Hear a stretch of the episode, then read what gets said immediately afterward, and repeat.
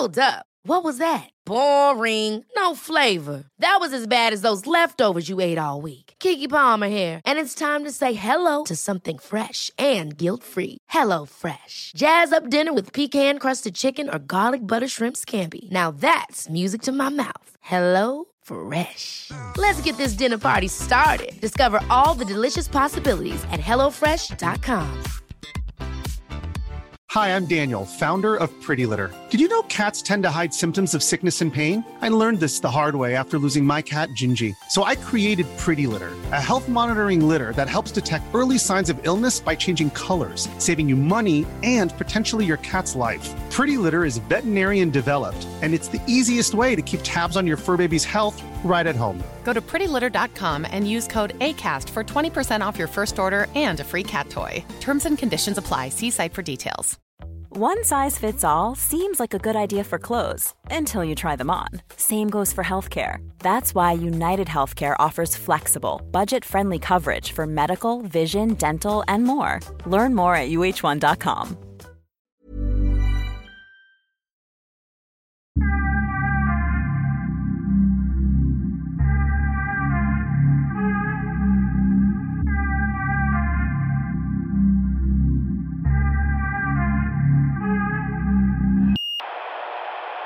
Jag har faktiskt en, eh, en fråga, privat grej.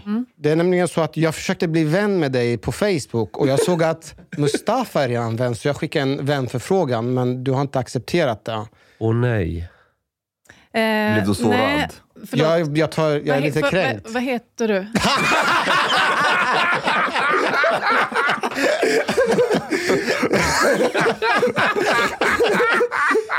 Jag, jag, jag tycker att vi kan avsluta där.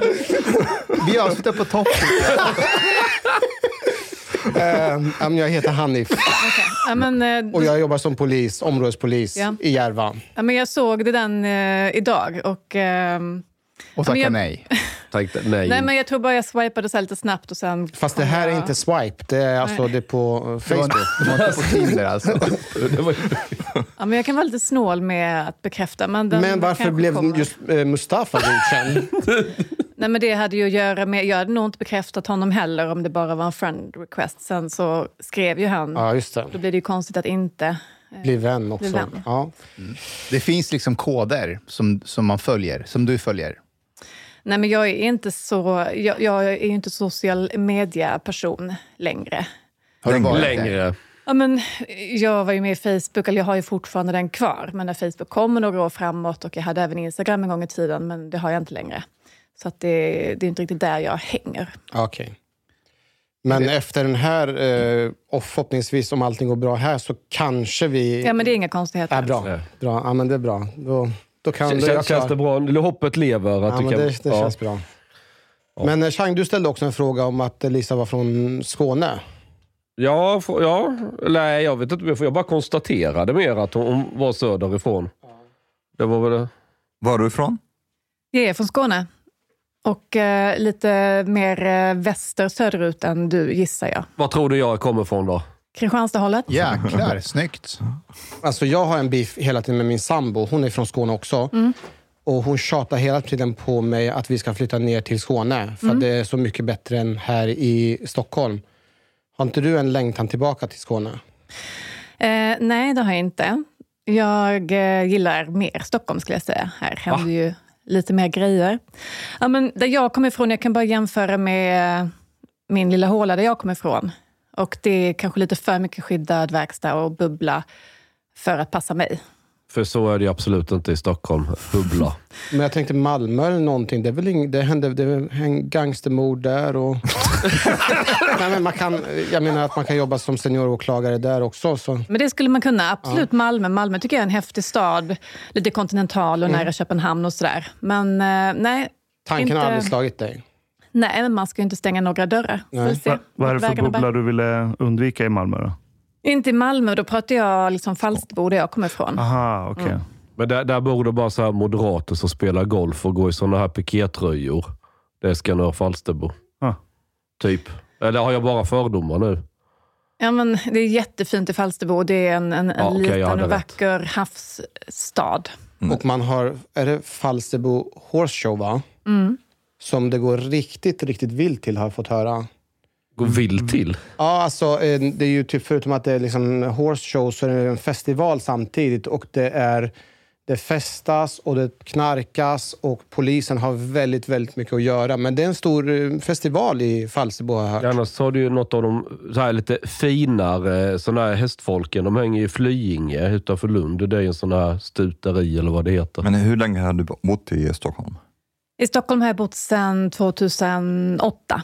Och då kom du dit och började som åklagare då, eller?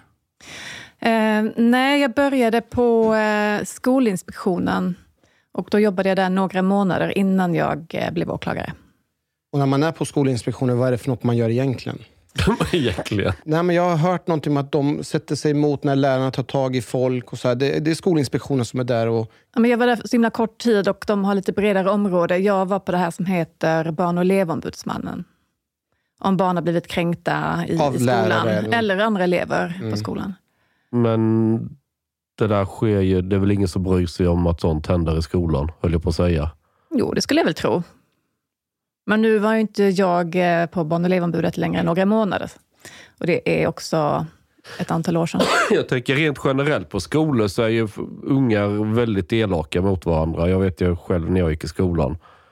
Och det var ju bara business as usual. Det var ju inte så att om en elev typ knivhugger en annan elev så ska han ändå gå i skolan måndagen därpå för det skolplikt. Och är det någon som blir jättemobbad så flyttar man ju inte på mobbaren. Man flyttar ju på den som är mobbad. Så vuxenvärlden gör ju inte sådär jättemycket om en elev beter sig jävligt dåligt. Eh, Ni kanske får ta hit någon från eh, den myndigheten då, i nästa avsnitt. Skolinspektion, någon som har jobbat på Skolinspektionen Någon som menar du? jobbar eller Jaha, har, okej, har okej. erfarenhet av Hon Skolinspektionen. var där någon, hur länge var det? Några veckor? Eller? Eh, nej, men några månader. Halvår kanske. Men varför började du med åklagarbanan? Ja, men det var det jobbet eh, jag ville ha när jag hade gjort klart juristutbildningen som inte alltid var Eh, sexig. Mycket liksom juridik och avtal och sådär, så jag tyckte att brottmålen var ju det som tilltalade mig. Då. Och sen sitter man ju i ting, eller man kan göra det om man har läst juridik. Och då sitter man och jobbar i en domstol som protokollsförare och lite så. Och det, då fick man ju möta brottmålen och åklagarna och jag tyckte att åklagarna gjorde liksom mest intryck på mig. De var trevliga och lättsamma att ha att göra med, liksom hade lite glimten i ögat, kunde växla mellan att vara allvarlig men också informell. Och då kände jag att det var det jag ville bli om jag skulle jobba med juridik överhuvudtaget. Hur var advokaterna? Ja, men jag satt ting i eh, Ystad och eh, där var det jättetrevliga advokater. Inga konstigheter. Så att det var inte helt uteslutet då när jag var 26, De 27. var inte så gangster då. Det var inga gangsteradvokater eh, i Ystad då. Men jag funderar på en sak. Du, du har om du har en tingsrättsförhandling och så blir den överklagad.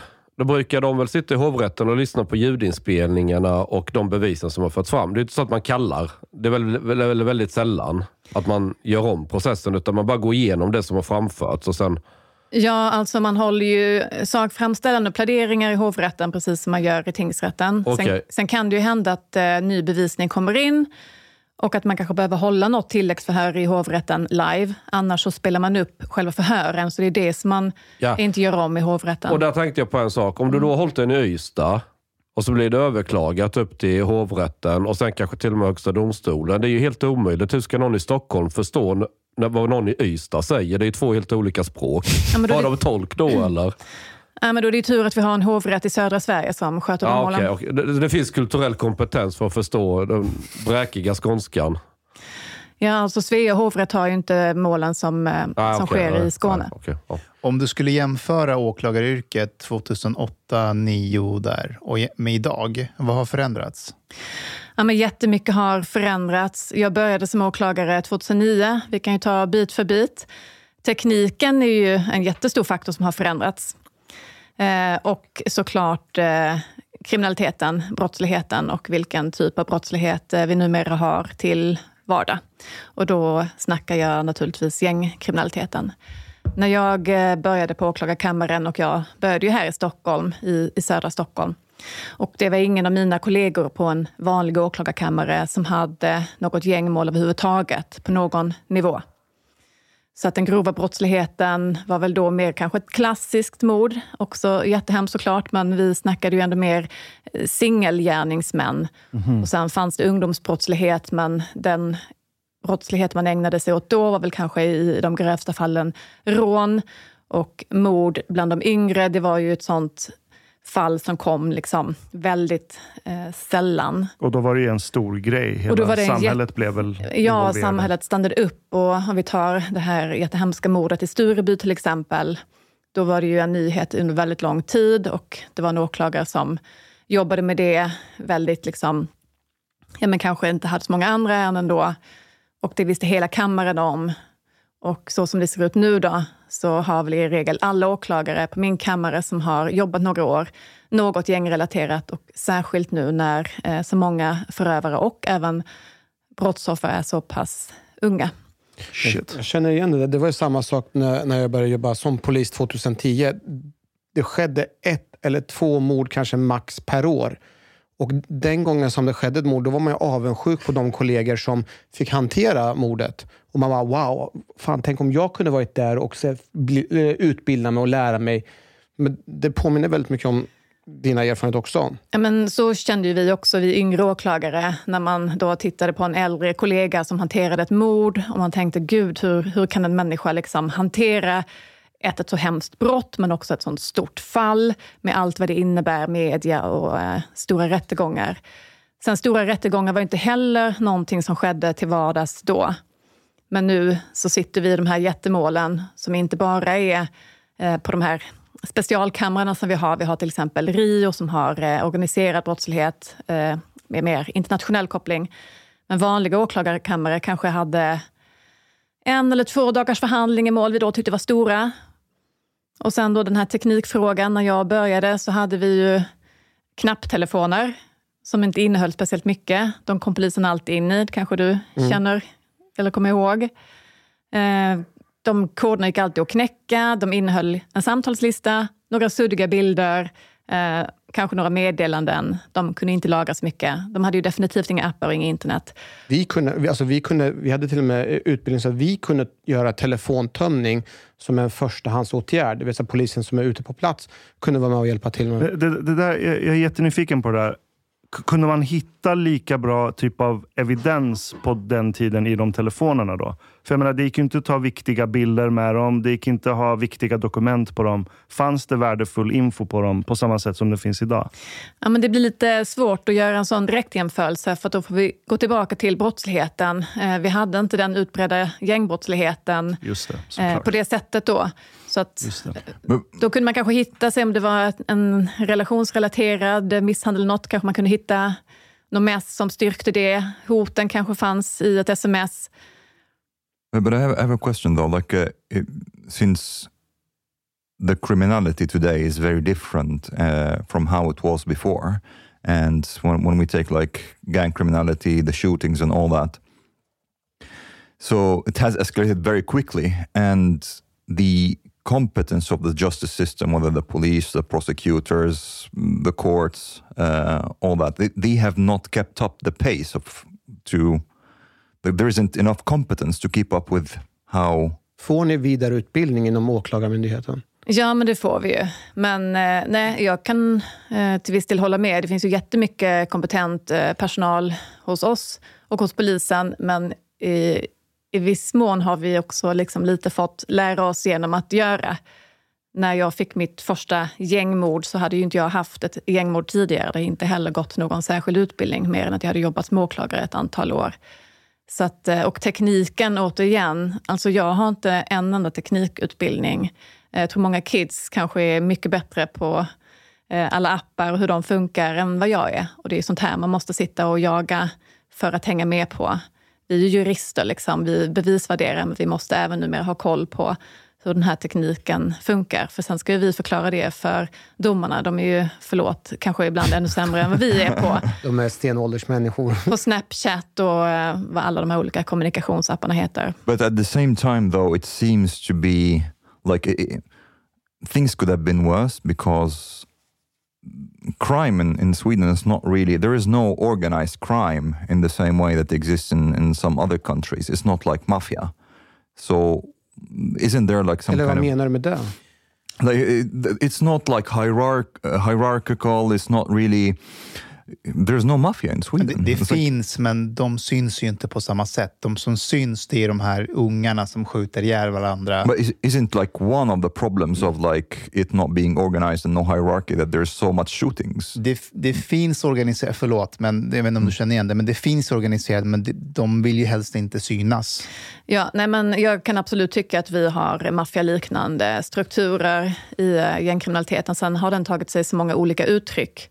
Men eh, vi har ju vissa områden där vi har eh, ja, men så kallade parallellsamhällen också, där familjer kan styra och påverka eh, personer som har lämnat uppgift till polisen eller gå in i olika verksamheter och, och kräva att hyra ska betalas till dem och så vidare. Så att det skulle jag inte säga att jag håller med om faktiskt. Men det om- finns på olika nivåer. Men om vi skulle, säga, om vi skulle backa tillbaka bandet, innan teknikutvecklingen, då fanns det en helt annan struktur i gäng, gängkriminaliteten. För den gatugänget som vi ser idag, den har inte alltid sett ut på det sättet eh, här i Sverige. Vi har ju haft typ Bandidos, Hells Angels och liknande.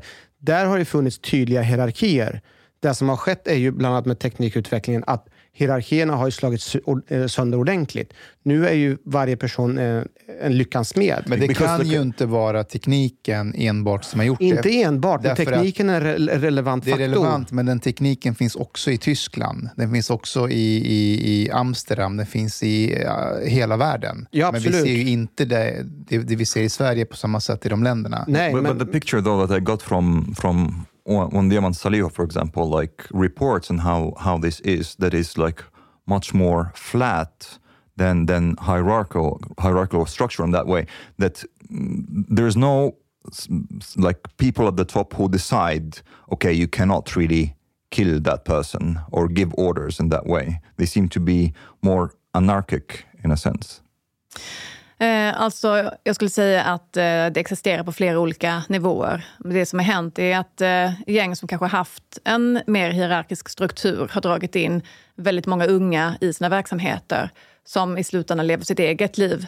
Det drar in många fler i, i det här spelet, maktspelet, våldsbejakande, liksom, machostilen. Vilja tjäna pengar, bli någon. vi hade till exempel ett reportage med den här killen Dumle. Han figurerar i mitt område. Han sa ju specifikt där du säger att vad då gängstrukturer? Vi gör vår egen grej. Men det är ju kanske ur ett perspektiv man kan se, men det finns ändå strukturer som kanske inte vi känner till då. Kan du, kommer du ihåg ditt första gängmord? Kan du berätta om det? Eh, ja, det var mitt första gängmord. Eh, var Ever catch yourself eating the same flavorless dinner three days in a row? Dreaming of something better? Well, HelloFresh is your guilt free dream come true, baby. It's me, Gigi Palmer. Let's wake up those taste buds with hot, juicy pecan crusted chicken or garlic butter shrimp scampi. Mm. Hello Fresh. Stop dreaming of all the delicious possibilities and dig in at HelloFresh.com. Let's get this dinner party started. Hi, I'm Daniel, founder of Pretty Litter. Did you know cats tend to hide symptoms of sickness and pain? I learned this the hard way after losing my cat, Gingy. So I created Pretty Litter, a health monitoring litter that helps detect early signs of illness by changing colors, saving you money and potentially your cat's life. Pretty Litter is veterinarian developed, and it's the easiest way to keep tabs on your fur baby's health right at home. Go to prettylitter.com and use code ACAST for 20% off your first order and a free cat toy. Terms and conditions apply. See site for details. Om jag inte minns fel, hösten 2018. Och då hade jag haft eh, skjutningar innan men som inte hade resulterat i eh, ett dödsfall. Och det var en gängledare i Enskededalen som eh, blev mördad. Ja, vad hände sen? Ha- ha- Han dog. Ja, men han, Punkt var, slut. han blev mördad i en soffa. Han hade varit ute med sitt, sitt crew och hade sovit hemma hos sin kompis, en väldigt nära vän. Och det här är en, en söndag, tror jag, som en söndag eftermiddag strax innan jul. Och den här vännens familj var hemma, men de gick ut och handlade. Och sen eh, blir han alltså mördad när han ligger där och eh, bakis sover i soffan. Det kommer in en person och eh, helt enkelt avrättar honom. Han hinner väl knappt ens vakna. och blir skjuten med flera skott, bland annat i, i huvudet. Och när eh, räddningspersonal kommer så går inte hans liv att rädda. Och ganska snabbt i utredningen så kom det fram att, den här, att det här kunde vara liksom en intern eh, uppgörelse. Eh, det var väl där någonstans, som kanske i sig lite tidigare, som gängen började sluta bara rivalisera mot varandra. Att eh, konflikterna även började ske internt. Vilket också blev en, eh, en svår sak att liksom leda i bevis alltså fram tills dess så var det väl mer så att man tittade på motivet, vilka gäng eh, hade en konflikt. Men eh, det var en person som då var frihetsberövad under lång tid. Jag väckte ett åtal eh, mot en person som figurerade i, i samma gäng som han, som också var lite känd som hans högra hand. Eh, det eh, höll inte. Han blev eh, frikänd. Var det ditt första fall som var kopplat till gängbrottsligheten? Nej, jag hade haft eh, några dessförinnan, men det här var det första mordet. Då. När, när, du fick ditt första... För vi pratade om att kompetensen fanns inte från början. Ni fick lära er as you go. Liksom, Medan ni gör det så får ni lära er. Um, hur, hur, går det till? Jag är helt mm. rätt analfabet. Jag vet i princip ingenting om hur processerna och sånt funkar. Men från att du har varit åklagare som aldrig jobbat med gäng och sen plötsligt ramlar det in ett fall är det liksom slumpmässigt? Bara, ah, men nu, nu får Lisa det här fallet. Och så Nej. får du bara köra på. Nej, men riktigt så Hur går är allt det inte. till? Vi har olika avdelningar. Det kan se lite olika ut på olika kammare. Men vi har ju en avdelning hos oss då som eh, är grova brott. Så då får man liksom en särskild lottning av fall på den avdelningen. Och sen delar ju chefen ut utifrån kompetens, erfarenhet, lite vems tur. Så att man får ju ett fall som chefen tycker att man är lämplig för. Och även om man någon, någon gång måste man ju vara först på att hantera ja. ett, ett, stort fall. Eh, men vi, eh, vi är på en arbetsplats med mycket kompetens i huset så att man, man hjälps ju åt, man frågar ju och ber om råd om det så att man eh, är ny på någonting. Så, så, du var på grova brott kammaren ja. ja. när det här... Okej, okay, all right, då är jag med. En fundering. om det sker ett så grovt brott, ett mord eller något, så ganska tidigt i förundersökningen så kliver väl åklagare in och leder förundersökningen. Ja. Och då är det du som bestämmer, ja men vi ska nog plocka in den till förhör eller titta på detta eller... Då får, sitter du då och funderar lite kreativt. Jaha, du har någon hypotes och så försöker se om, hittar vi bevis som stöder detta eller, eller hur går det till liksom mm. när man... I första hand så kommer ju brott till polisens kännedom. Mm. Och när det finns en eh, skälig misstänkt, när polisen tycker att menar, vi, vi har ju en misstänkt här, då kliver åklagare in i grövre brott som eh, förundersökningsledare. Eh, vi kan kliva in i grövre brott även i, i, i andra fall, men eh, då blir vi kanske på, på, lite för avancerad nivå. Så att då blir jag förundersökningsledare och då är det jag som leder förundersökningen helt enkelt. Men jag sitter ju inte fritt och freebasar vad vi ska göra utan jag får ju information från polisen. Vilken information finns från början? Vilka vittnen har gjort iakttagelser? Vad tycker polisen är nästa steg här? Så det, man, man jobbar ju liksom i en projektgrupp kan man säga där polisen och åklagare tillsammans kan diskutera utredningsåtgärder men åklagaren eh, bär ju ansvaret och är den som pekar i rätt riktning när det gäller vilka beslut och så som ska fattas. Och det är jag som fattar besluten om till exempel någon ska hämtas till förhör, eh, vi ska husrannsaka husrannsakan någonstans, någon ska kanske frihetsberövas. Där funderar jag också på en sak. Kan åklagare sitta med vid förhör? Nej. Eh, hos polisen? Ja. ja. Det finns ingenting som talar emot det. Eh, jag brukar inte göra det. Jag tycker att polisen har ju sin utredningsfunktion och är den som är, har kompetensen att hålla förhör ja. under utredningen. Så det, det, det, brukar jag tycka att polisen fixar man, själv. Te tekniskt sett så kan en åklagare förhöra en misstänkt eller, eller sitta med eller Ja, alltså tekniskt sett kan en åklagare göra det. Jag skulle säga att det är rätt ovanligt att vi jobbar så, för ja. det finns ju en resurs jag, för den arbetsuppgiften. Jag jobbar med en åklagare. Hon, hon gick in, alltså man kunde ändå gå in, hon kunde gå in i våra system och se när jag började skriva. så, så här, du, du måste ställa den här frågan, du måste kolla upp det här. Och så här. Vadå, live medan du höll ja, alltså förhöret? Efter ett tag när jag sparade så kunde hon gå in och läsa. Medan du höll förhöret? Ja, och sen kunde, ibland så skulle jag gå och ringa, liksom, ringa samtal till henne för att koppla upp det. Då hade hon gått in och läst grejerna. Nej, det är inte bra dock. Ja, jag jo, tycker jag tycker, jag tycker att det, i, ur ett perspektiv så är det bra, men jag undrar ifall inte du Lisa är likadan också. För jag, jag fick da, den känslan när, du, eh, när jag läste din bok. Att du är en väldigt noggrann åklagare som hela tiden liksom återkopplar till polisen. Har ni kollat det här? Har ni gjort det här? Har ni gjort det här? Alltså verkligen ha stenkoll på varenda detalj. Är du uppskattad bland poliser? Ehm, ja, men jag fick eh, typ den frågan på en intervju för inte så länge sedan. Och, eh, det var frågan, så här, är det lätt eller svårt att jobba med dig? Då sa jag att eh, det kan nog vara både lätt och svårt. Men jag tror att Det är alltid alltså. kul Det är att jobba med mig, tror jag. Det är kul att jobba med Eh, dig. Det, det skulle jag Har nog... någon sagt eh, det någon gång? Ja, det har faktiskt någon sagt. Men- Men, men- jag är ju engagerad i min utredning. Sen betyder inte det att jag är med på varje detalj. Jag är faktiskt inte såklart om det är detaljer som spelar väldigt stor roll. Um, förhöret kan jag absolut liksom bolla om polisen vill och om det är någon särskild fråga som är jätteviktigt att man kanske vid behov eh, talar om det. Men eh, en sak som jag tycker är viktig är att man också ger polisen ett förtroende att göra sitt jobb. Att, att hålla förhör med en misstänkt eller ett vittne, det, det är ju polisen utbildade för att göra. eh, Till skillnad från mig själv. Jag håller ju förhör i rätten. Det är liksom ett, ett annat läge då. Men, händer det att du tittar på förhörsprotokollet och bara, alltså, vem fan har ställt de här frågorna? Liksom, hur, hur tänkte du? Varför har jag inte ställt det här? Händer sånt ofta? Det, det kan ha hänt. Att, att Är det här du är lite orolig för? Att de här detaljerna inte ska... Nej, men att viktiga frågor inte har ställts. Men det, det är ingen jättekatastrof. Man kan alltid hålla ett kompletterande förhör och fånga upp den frågan då.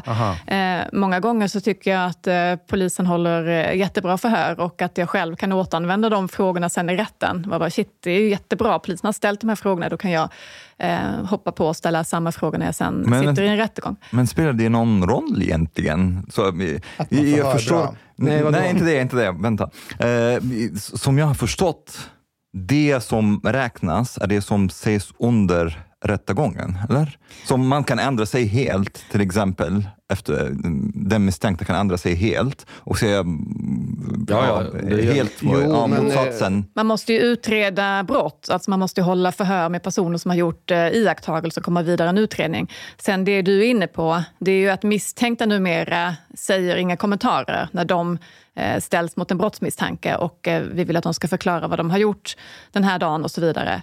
Men, men Eh. kan de säga någonting under förhöret och sen under rättegången säga, säga någonting helt annat? Ja, nej, men Och, det, det är ju mer regel än undantag nu. Så just, just det förhöret, där kan jag säga att man inte behöver hålla på och säga till polisen vilka frågor de ska ställa för att nu vet vi att är du med i ett gäng eller liksom vill eh, framstå som en som är det så kör man inga kommentarer i förhör med polisen. Så att den situationen blir mer liksom en delgivning av information från polisen till den misstänkte. Och sen så har de laddat kanonerna sen till rättegången där de har läst förundersökningen och eh, då lägger man en Men berättelse. är, är det samma sak i, i andra länder i Europa? Att, Nej. Att det, Nej. det är det inte. Man bara för bara i Sverige? Ja, men det är en kultur som uppstått här och det var också en sak som inte egentligen förekom eh, Eh, när jag var ny som åklagare och under ganska många år in i min åklagarkarriär. Man hörde talas om någon, någon gång, någon sån här riktig hårding som lyckades vara tyst under hela förundersökningen och även hade liksom pannbenet att vara tyst även under rättegången. Men det var liksom sällsynt. Det, det var någon enstaka gång någon kollega berättade om det. Och nu så sitter vi med eh, i stort sett alla som eh, pysslar med någon form av gängkriminalitet. Och om säger polisen stoppar en gängkriminell person i en bil utan körkort så kör de inga kommentarer även i en sån situation. Och det har också smittat ner. Eh, ja, men det har blivit en kultur, alltså även om du inte ens är med i ett gäng, du kanske är en eh, ungdom som är eh, lite stökig, så kör man den jag grejen som en attityd liksom, mot polisen. Ja, men inte bara det. Jag menar omedelbarhetsprincipen. Att, att det som, eh, som sker under rättegången, ses under rättegången, det är det som räknas. Eh, jo, nej, men det är ju huvudregeln då, men om du har liksom uppgett en helt annan version Ja. eh, hos polisen, då, då värderar man ju det. Då, då får man väl ändå dra en slutsats, man kan göra det i alla fall, att den här personen kanske inte talar sanning. Så om jag Sim. förstår det rätt så har svensk rättsväsende funkat i alla år för att ingen hittills hade fått idén om att bara hålla käften under förundersökningen. Ungefär så. Jag, är det korrekt? Ja, men, eh, det får bli eh, din tolkning. Det fanns säkert saker som inte, som inte funkade Jag raljerar, men det, men det ligger något i det. Ja, men eh, det, Att- det finns ju någonting i det gamla systemet då som inte riktigt matchar den brottskulturen som vi har nu. Det var Och, ett finare sätt att säga att ja. F- Får jag bara backa tillbaka till den här relationen mellan polis och åklagare? Mm. Jag har eh, tänkt många gånger, varför sitter vi egentligen... Eh, om man har ett väldigt stort arbete som man jobbar och eh, åklagaren leder liksom, utredningen, varför jobbar man inte närmare varandra? Varför sitter inte vi ens till och med på samma eh, kontor? När, det som händer är att man måste helt enkelt mejla, ringa. Jag vill ju kunna bara gå och typ, typ diskutera med, med den som She leder doesn't even utredningen. want to accept your uh, friend request on Ja, nu vill du dela kontor med. Nu får du lugna nej, dig men precis, lite av samma anledning till att jag inte accepterade det ändå. Man, eh, man behöver nog hålla lite på rollerna. Kan man inte göra det menar du? Om man, om, menar du att man kanske kan göra det? mer eh, misstänksamhet från allmänhetens sida, att polis och åklagare liksom, eh, gaddar ihop sig, det kanske blir kladdigt. Ibland så har vi ju inte samma eh, syn heller på hur man ska jobba i ett ärende. Om, någon är, om man tycker att bevisning räcker eller inte. Ibland så är man ju på olika plan helt enkelt och då kan det nog vara bra att inte sitta tillsammans. Men i större utredningar så träffas man ju mycket. H- Händer det att poliser blir arga för att ni lägger ner ärenden?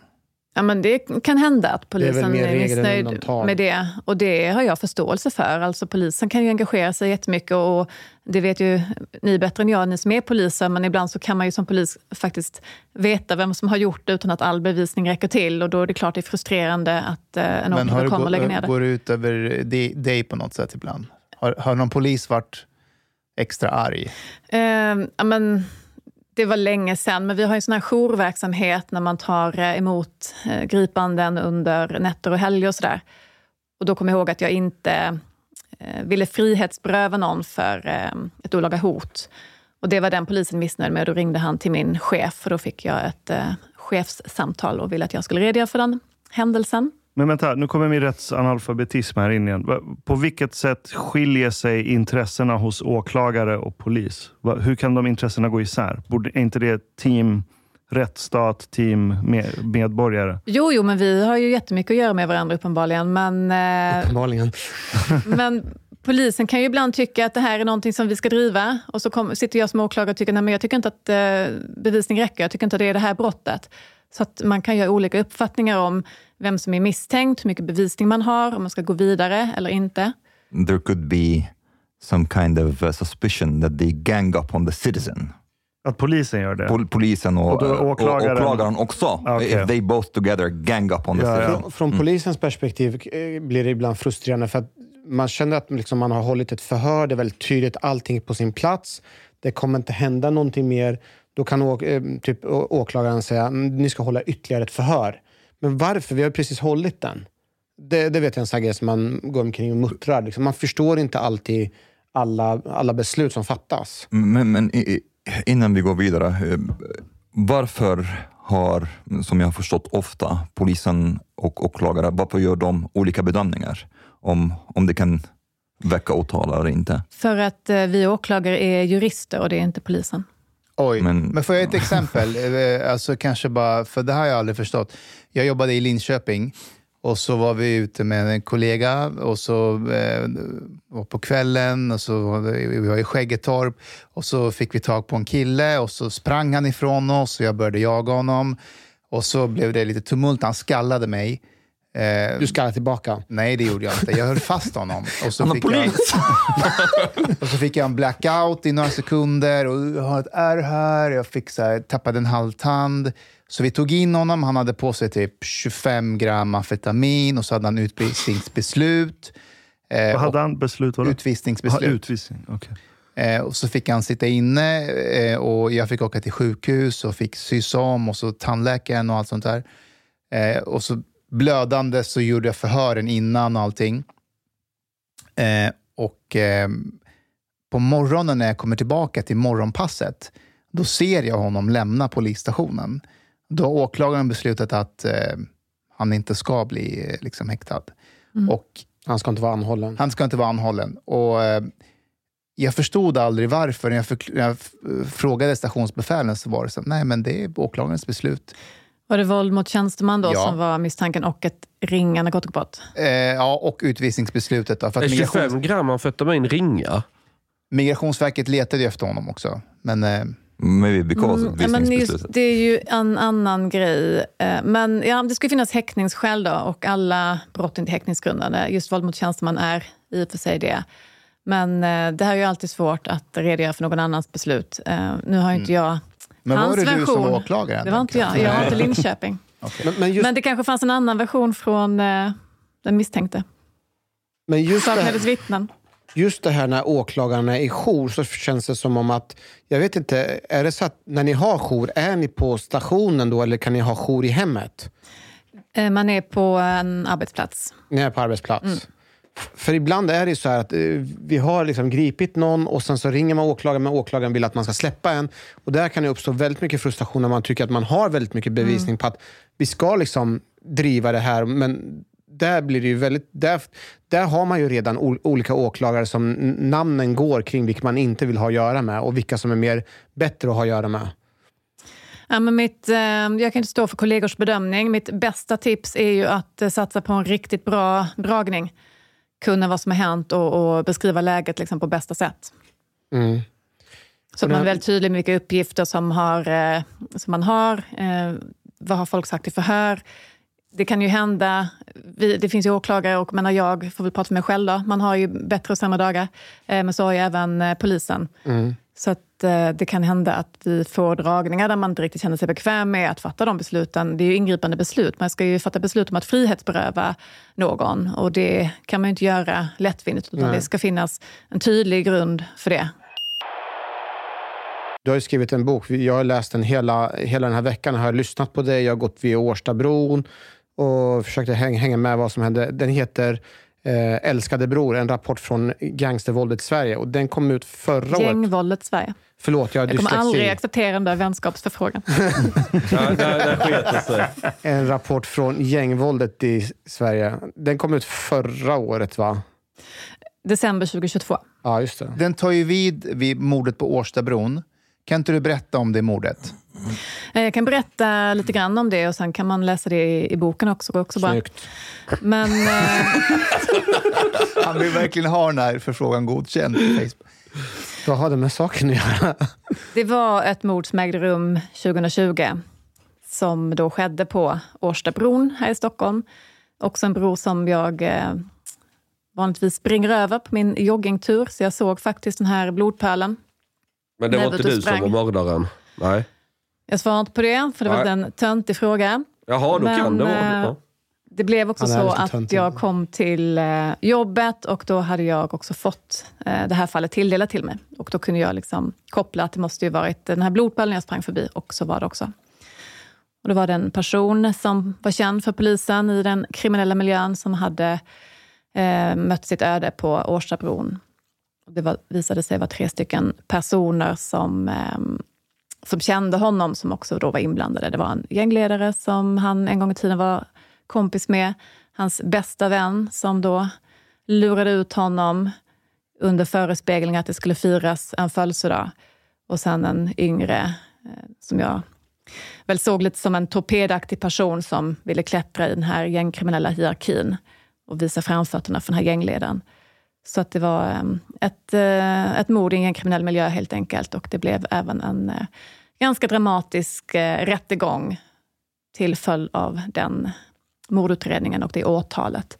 Och jag fick ju också del av de här krypterade chattarna i min utredning. Det här som FBI gjorde, den här ganska häftiga, världsomspännande operationen där man då lurade gängen att köpa FBIs eh, telefon. Mm. Genialisk uppfinning om du frågar en brottsbekämpare som mig. Någon annan kan ha ju en annan uppfattning, men det ledde ju till att vi fick brottskommunikationen i, i det här fallet. Den här eh, killen som dömdes sen, eller killarna. En av dem, jag, jag, var, jag intresserade mig väldigt mycket för det här mordet på Årstabron. Eh, så, fick jag, så fick jag se eller reda på att eh, han som beställde mordet är ju från, eh, född i samma land som jag. Eh, ja, så jag blev lite sådär wow. Afghan. Ja. Och, eh, så jag började fråga runt lite, eh, eh, för att han kommer från exakt samma område som jag också. Just det, för han hade smeknamn med Panshir Ja, exakt. i Anon. Det var det jag reagerade på. Exakt. Ja. Så det är samma område som, som liksom, eh, mina föräldrar, eller min pappa är född. Och, så jag frågade min pappa, så här, du, eh, känner du igen det här namnet? Och han bara, ja, ja, det är ju våra vänner. Vi, vi brukade ju vara hos dem eh, när vi var nya i Sverige. Så min pappa hade varit där och träffat honom när han var liten. Och han brukade komma till min pappa och sätta sig på min pappas knä och prata och liksom sådär. Väldigt surrealistiskt när man sedan läser vad han har sysslat med de senaste åren. Det, det är ju alltså... Eh, han, han hämtar inspiration från men, typ så här, krigsliknande mujahedin-gerillor eh, i Afghanistan. Alltså hans taktiker för att värva folk till sitt gäng var verkligen militärisk. Mm. Eh, det var bara väldigt surrealistiskt. Ja, men jag förstår det. Och det du beskriver nu, eh, när man tittar på hur många som polisen säger är med i kriminella nät nätverk, 30 000. Då får man ju tänka på alla de som bara är en ifrån. Att vara en ifrån någon som är med i ett kriminellt nätverk, det kanske inte är någon fara för din del då, eftersom du är polis. Men det innebär också en stor fara när man är så nära någon som är med i ett kriminellt gäng. Man kan ha gått i samma klass, man kan ha bott i samma område, man eh, kanske kompisar, eh, andra eh, generationens kompisar. Man kanske vill få en tjänst, kanske bara stasha något en gång. Det finns ju en stor problematik att vi har så många då som även är runt gängen, Mm. som möjliggör för gängen på ett eller annat sätt. Vänta, Det här 30 000, är det inklusive alla som är ett steg ifrån eller är det alla som är direkt involverade? Men det är ju direkt involverade. 30 000? Mm. Och då tycker man att den siffran låter hög, men jag tycker man måste liksom ta in den siffran med hur många en gängkriminell har runt sig. Man kan ju ta sig själv som exempel, att man har gamla klasskompisar, eh, gamla relationer, vänner, grannar, alla ställen man har bott, där man har jobbat. Det blir ju ganska många människor i slutändan. Så det, det är en, man kan ta en liten svensk stad och föreställa sig att alla som bor i den staden är gängkriminella. Det är Mm. ett absurd siffra. Det är en absurd siffra. En sak som du, som är, som, boken heter ju Älskade bror. Och det som är genomgående i boken, det är ju den här alltså, lojaliteten som man ger sken av är så stark och man får inte den någon, någon annanstans, man får det bara bland de här bröderna. Och du vet när man har blivit liksom lite äldre så fattar man vilket, vilket skitsnack det där egentligen är. För att de är ju inte lojala mot varandra på riktigt. Det är, liksom, det är den största lögnen i de här gängen, Mm. att man ställer upp för varandra. Är inte det ganska frustrerande för dig, att, alltså, eller för, för folk i allmänhet, att fan ser inte ni det där? Att de är ju inte dina bröder egentligen. Jo, nej, men det är klart att man känner så. Jag eh, tar ju också del av deras korrespondens eh, väldigt mycket och det här älskade bror, älskade bror, det, det är så fruktansvärt återkommande och det är så man talar till varandra. För mig så är det ju också jäkla manipulativt att uttrycka sig med det när man är en äldre person gentemot yngre. Men det är ju också gå åt båda hållen. Man förstärker den här närheten genom att kalla varandra för bror på det här sättet. Följer dig in i döden, jag gör allt för dig, bästa bror, du är min enda bror. Det är lite gay också. Ja, nej, men- Fast det, det där är ju också lite, det är inte bara gangstergrej, utan det här är ju också en subkultur. Alltså bror, man refererar till varandra bror. Alltså, det är ju en allmän jargong även i förorten att man pratar på det här sättet till varandra. Ja, det är det ju. Mm, det- det är ju inte, bara, det är inte isolerat kopplat till gängkriminella. Mm. Navid brukar alltid skriva bror till mig. Ja, men han, ja, jo, absolut. Bror. Bror, brorsan. En- en- Det där är också en grej. Det där tror jag faktiskt har smittats från eh, gangsterkulturen. Att man, alltså jag, när, när ni växte upp så var vi bror till varandra. Nej. Det gjorde vi fan inte. Nope. Men Jag tror också att det kommer därifrån, men Ja. jag kan ju vara färgad av mitt arbete. Nej, men det är du eh, inte. det- Men vadå, då, vad alltså, vad som eh, säger att det kommer från gangsterkulturen? Därför att eh, hela den här gangsterrappen också och subkulturen har smittat sig på vad ska man säga, majoritetskulturen. Ja, absolut. Ja, så att, man, att, att, att unga idag i, på fucking Östermalm säger bror till varandra Ja, ja. På, på skolorna, det kommer ju direkt från de subkulturerna. Jag tror Ja, inte ja. det kommer från... Alltså, I USA så kan det vara vanligt att säga “Hey brother, how you doing?” Och det har inget med gängkrim att göra. Men jag Nej. tvekar på att det är därifrån det har smittat in sig här. Men du var ju till och med kritisk mot även, eh, vi kanske kommer komma in på det nu, men eh, de här, du pratar om gangsterromantik och kopplar det till även brottsmålsadvokater. Att, eh, du skriver i boken att du är kritisk till och med hur, de, hur brottsmålsadvokater pratar med sin klient och pratar just som bror och sådär. Ja, och nu ska vi inte dra alla över en kam då, va? men... eh, Vad heter de? Nej, men det har ju hänt, eh, tycker i alla fall jag och mina åklagarkollegor och säkert en del av er poliser som möter dem i förhörssituationer och sådär, att man kanske kommer varandra lite för nära och ger sken av att man är mer brorsor, polare, än advokat i den rollen och en misstänkt. Jag kan tycka att det är viktigt att man håller på den rollen, framförallt för deras egen skull. Det, här är inga personer som man ska bli bror med. För eh, det, det finns alltid en baksida av det. Att vara bror kan ju innebära att man är en, en horunge dagen efter och blir mördad. Och man kan skapa ett tryck. Gängkriminella är intresserade av sin egen verksamhet, sin egen makt. Man ska inte luras och tro att man har någon speciell ställning i förhållande till någon som är gängkriminell, inte ens om man är advokat. Du, du är en försvarsadvokat och du gör det jobbet som ditt uppdrag säger. Man ska inte göra några tjänster däremellan, för jag skulle säga att det är direkt farligt. Men det är det här som är så frustrerande, det du beskriver. För att alla de här morden, de flesta du vet, så kallade goare, man lurar in varandra i en fälla. Eh, Årstadmordet är ett jättebra exempel på det. De var ju bästa vänner och så ska han fira födelsedag och så mördas han. Liksom. Mm. När det sker exempel på exempel på exempel, ser inte de här killarna att det finns inga bröder här? Eller, eller lurar man sig själv att Nej, men just jag kanske är speciell? Jag tror att man fortfarande ser att man har bröder. Jag tror liksom att man, man, kan inte, man kan inte dra sina egna referensramar och, och anpassa det eller lägga det på, på gängen. Det, det, det är någonting helt annat. Jag tror inte de vet Ja, men vad en, en, en riktig värld- relation är. Man har Nej. inte Men jag tänker, de upplevt måste ju det se... bland vänner i alla fall. De måste ju se så många andra gängledare eller, eller gängmedlemmar bli lurade gång på gång på Hur gång på gång. De är i den kulturen. De ser ju att de två som var bästa vänner, nu hatar de varandra, nu lurar han in honom i...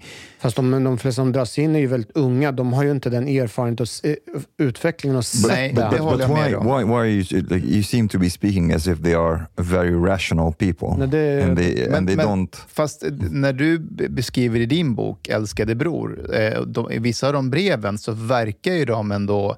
En del av dem verkar vara tänkande varelser som resonerar över sitt liv.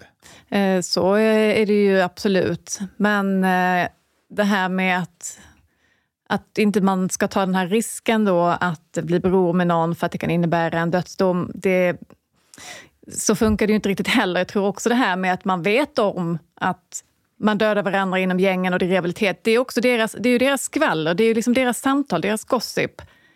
Det är ju det är också en ingrediens i de här eh, skeva, alldeles absurda vänskapsrelationerna. Men kan inte Det är de sånt de kolla- skvallrar om. Alltså jag kan ju läsa brev. Ja, synd att han blev jappt. Liksom.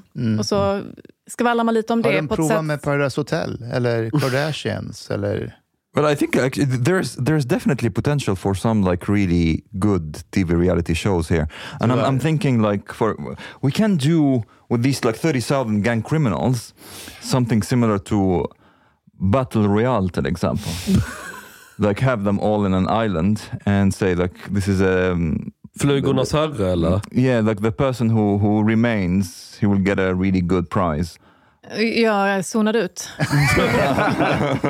Men, men jag, jag, förstår inte ditt o, eller orosmoln, ska jag inte kalla det, men den här invändningen. Jag menar, om om vi tar alla de här 30 000 som är involverade där och så har de sina lojaliteter eller vad de tror är lojaliteter. Hur, hur ofta händer det att någon blir skjuten och en lojalitet bryts? Det tillhör ju inte vardagen. Det är väl bara när vi utanför hör talas om det.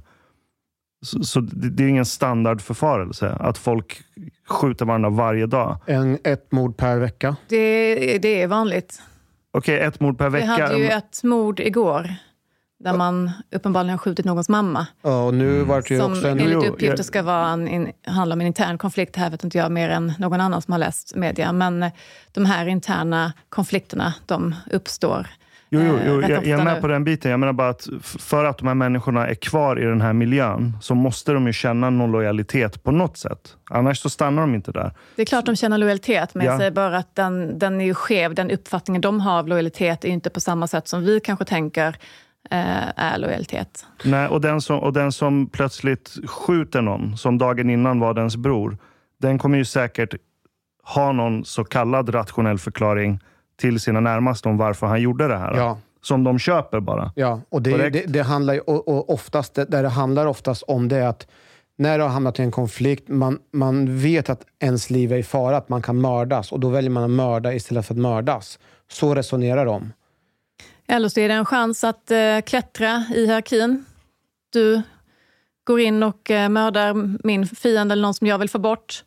Och så blir du en upphöjd bror för mig. Du kan ju vinna på det också. Det behöver inte bara vara att man själv är i fara, utan man kan helt enkelt eh, klättra i hierarkin. Och de verkar också väldigt lättkränkta. Tjäna pengar kan också göra. Har du förändrats som person? Sen, sen de här första morden? Liksom? Ja, men jag har förändrats som person tror jag, så, genom att vara åklagare så länge och jobba med den här mörka materien. Det är Hur? nog många som tycker att jag är supertråkig, kommer till en middag om jag ens blir bjuden på en längre, maler om... Du är här. Ja, det är snällt. Eh, Man maler om liksom samhällsmörker och svårt kanske att eh, prata om eh, husrenoveringar och trädgårdsfix och någons Instagramkonto. Alltså det, det klarar jag liksom inte riktigt av längre. Jaha, du, du, vadå, så när du är på middagar då vill du prata mord? Nej, men vill och vill, det är, liksom, det är ju det jag gör hela dagarna. Att man jobbar med den här materien. Det, det har blivit liksom mitt samtalsämne. Ibland har jag svårt att prata om oviktiga saker. Jag säger inte att jag är jätteallvarlig liksom dygnet runt. Men, eh, vi jag frågade väl- om jag var om jag blivit en annan person. Jag skulle nog säga att jag är lite tråkigare nu än kanske eh, skulle när jag pluggade i Lund. Du kanske skulle behöva röka en spliff ibland och tagga ner lite. behöver inte svara på det där. Eh, Den blicken. när du går eh, på middagar, eh, Det är ju det som är problemet med gängbrottsligheten, att det finns personer som köper gängens knark. Och det skriver du också om i Som, boken eh, också. Fortsätter att möjliggöra den här brottsligheten. Hur ser du på- det hur ser- tycker jag är liksom jävligt eh, ansvarslöst. Hur ser du på någon som odlar garderoben för att inte gynna gängen? Skulle du tycka att den är lika hemsk och, och, och jävlig då? Nej, men jag tycker Okej. Du har lyssnat så här långt. På sista måltid. En mycket fin radioprogram i Sverige. Du tycker det är mycket trevligt. Men, min vän, lyssna på mig nu. Du har inte betalat biljett på klubb sista måltid. De har blate grabbarna de behöver pengar. Flis. Lax. Stolar. Dirabilar. Lyxhotel. Du vet. Då måste du betala om du ska mer. Du får man gafleravsnitt också. Pakieter biudande, helt enkelt. Läs i beskrivning för avsnitt, där det finns information för att bli medlem på klubzista måltid. Det kostar som en mycket liten kaffelatte ute på torget. Per månad.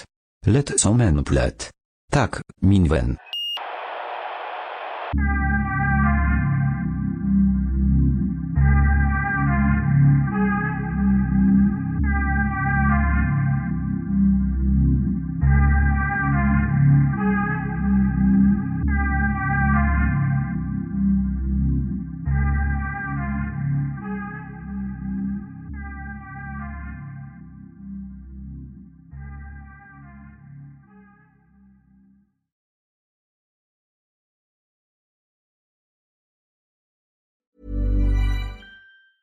Hi, I'm Daniel, founder of Pretty Litter. Did you know cats tend to hide symptoms of sickness and pain? I learned this the hard way after losing my cat, Gingy. So I created Pretty Litter, a health monitoring litter that helps detect early signs of illness by changing colors, saving you money and potentially your cat's life. Pretty Litter is veterinarian developed, and it's the easiest way to keep tabs on your fur baby's health right at home. Go to prettylitter.com and use code ACAST for 20% off your first order and a free cat toy. Terms and conditions apply. See site for details. Ever catch yourself eating the same flavorless dinner three days in a row? Dreaming of something better? Well, HelloFresh is your guilt-free dream come true, baby. It's me, Kiki Palmer. Let's wake up those taste buds with hot, juicy pecan-crusted chicken or garlic butter shrimp scampi. Mm. Hello Fresh. Stop dreaming of all the delicious possibilities and dig in at HelloFresh.com. Let's get this dinner party started. Imagine the softest sheets you've ever felt. Now imagine them getting even softer over time. That's what you'll feel with Bowl and Branch's organic cotton sheets. In a recent customer survey, 96% replied that Bowl and Branch sheets get softer with every wash. Start getting your best night's sleep in these sheets that get softer and softer for years to come. Try their sheets with a 30-night guarantee. Plus, get 15% off your first order at bowlandbranch.com. Code BUTTERY. Exclusions apply. See site for details.